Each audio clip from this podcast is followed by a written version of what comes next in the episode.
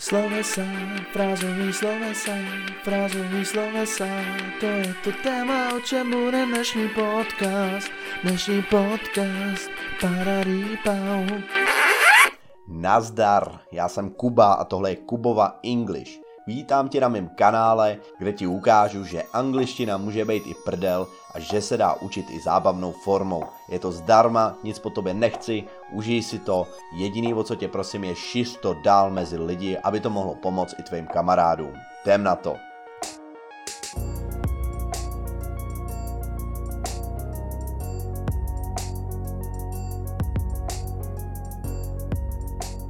No tak jo, pokud máš aspoň dvě vysoké školy, tak řekl, že si z toho úvodu, z toho songu, který mimochodem chystám do mýho debitového alba, eh, tak si pochopil, že se budeme bavit o frázových slovesech. Frázový slovesa spoustu lidí nesnáší, spoustu lidí z nich má strach a spoustu lidí říká, to není nic pro mě, na to já seru. Ale pravdou je, že pak v praxi zjistíš, že spoustu rodilých mluvčí dá přednost v dané situaci právě frázovýmu slovesu e, před tím jako běžným, který, který třeba ty znáš z učebnice. A vlastně v momentě, kdy ho neznáš, tak seš nahranej, protože to nějak neodvodíš, neodmyslíš. Občas, někdy jo, ale někdy se to nedá odmyslet. A proto jsem si pro tebe připravil několik frázových sloves, které jsou v praxi hodně, hodně důležitý. Jdem na to. A 150 minus 2? 9. Dobrý. Nikdo z nás nechce být za blbce. Myslím, že nevědět, kolik je 150 minus 2 je celkem solidní výkon, ale na v podstatě stejný úrovni vidím, když člověk neví, jak anglicky říct líbat se. Všichni znají sloveso kiss. To je sice hezký, ale to je jako spíš políbit. Ale co taková ta francouzská, mn, mn, mn, jak se tomu říká, Cicmačka, to je to slovo. Cicmačka nebo vykousávačka. Jak řekneš, že jsme se vykousli, to jsme říkali my, když jsme byli malí. Prostě taková ta opravdická líbačka s jazykem. Na to je speciální frázový sloveso to make out. Make out. We made out in the alley. Líbali jsme se v nějaký ulici. Chci tě líbat, přijď lásko má. A mysli mi prosím na ten rozdíl mezi make out a kiss, jo? Budeš to vidět třeba i v přátelích. Rachel and I kissed, to říkal Ross, když si dali první pusu. Ale we totally made out, hm, totálně jsme se líbali. Jo, je mezi tím významový rozdíl, tak si na něj mysli, OK? Jdeme dál. Ještě bych teda rád dodal, že tohle není jediný význam slovesa make out, ale podle mě by far, což znamená zdaleka, nejdůležitější. U následujícího slovesa si vyložíme tři jeho významy. První význam slovesa come across, který je to, o čem teďka budu mluvit, je narazit na něco, eh, obzvlášť jako náhodou, že prostě potkáš nebo uvidíš něco, co si nečekal, že uvidíš a může se to týkat jak člověka, tak i věci. For example, hey man, I've come across this amazing song that will get you hooked. Narazil jsem na tenhle úžasný song, na který se úplně namotáš. Pošta, pošta, žlté auto má. Pošta, pošta, poslo dobrých správ. Pošta, pošta, každé ráno je u nás. Takže to byl první význam. A ten druhý význam ti opět můžu říct tady s tím, jak on se jmenoval, Lackem. Lacko can come across a bit weird, že se jako zdá být divný, jo? že jako působí divně. To je ten druhý význam tohohle slovesa. Takže první je, že se na něco narazil a tenhle druhý je, že někdo nějak působí, že vytváří nějaký dojem něčeho. Je to velmi chytlavá pieseň. No výborně. No a pak je ještě třetí význam, který je hodně podobný tomu druhému, ale znamená to něco ve smyslu jako být nějak... Je, máma mě volá, počkej. No, povidej, já nahrávám.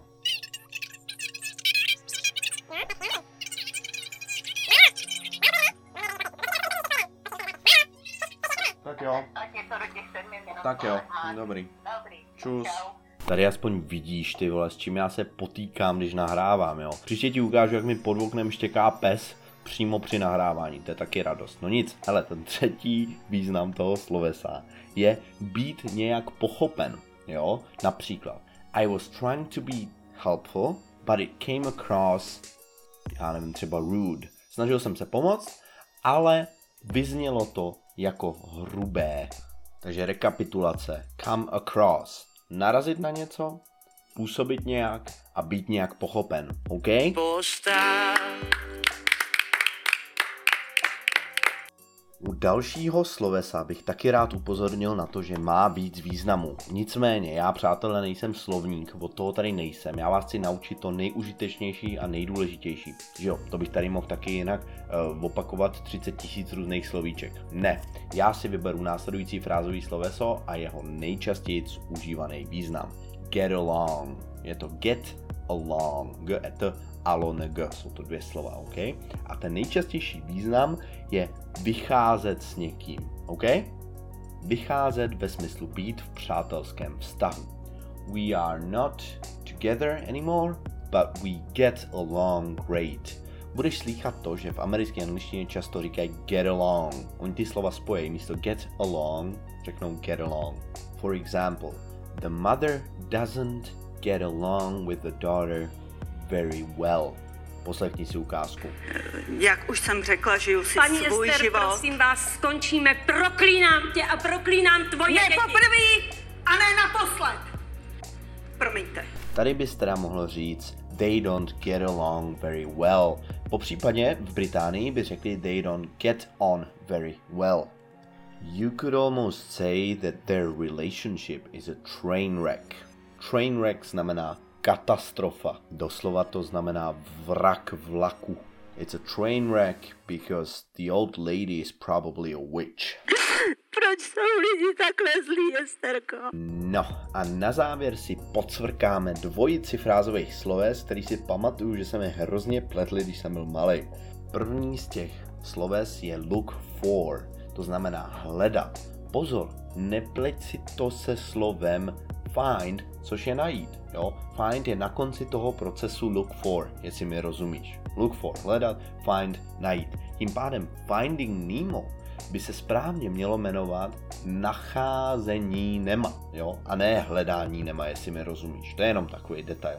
Takže I'm looking for you. Hledám tě. A skoro bych si typnul, že už si někdy slyšel tuhle písničku, která se jmenuje Stále jsem nenašel to, co hledám. Jestli ji neznáš, tak si doplň vzdělání.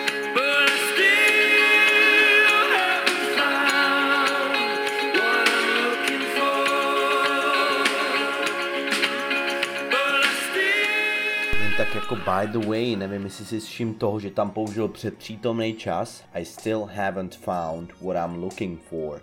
A pokud nevíš, proč tam ten předpřítomný čas je, tak já ti to řeknu. Je to proto, že ještě nemá dosažené pomyslné skóre toho, že něco našel. Nemá to očkrtlý na tom checklistu. Tam totiž nejde o to, kdy to nenašel, ale že to nenašel. Ono to zní dementně, ale je to tak. Pokud ti to vůbec nic neříká, tak si pust můj podcast o předpřítomném čase. Na to tady teď nemáme čas. To bylo všetko?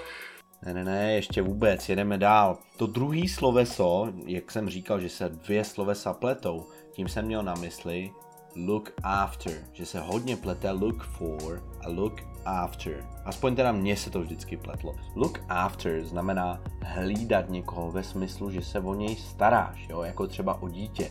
For example, she is a stay-at-home mom who looks after her kid. Je to máma, co zůstává doma a stará se o dítě. To stay at home mom. To stay at home mom je mimochodem velmi často používaná fráze, po případě můžeš říct i stay at home dad. To je jasný, jo? Tady si můžeš poslechnout, jak to používají rodilí mluvčí. Hey loves, it's Brianna. I'm a mom of two toddlers, and today I'm doing a day in the life of a stay at home mom. I'm going to be breaking down my schedule with all of the time so that you can see what my daily routine looks like on the days when I'm in stay at home mom mode. Přátelé, těch frázových sloves je taky bambiliarda, jo. Musíte mi psát, o čem chcete další podcasty. Minule byly čuňárny, teď je to trošičku víc jako takový oficiálnější, nebo můžu dělat gramatiku, jo. Běž na Instagram a napiš mi, OK? Hmm. A šiř tenhle podcast dál. Zdar!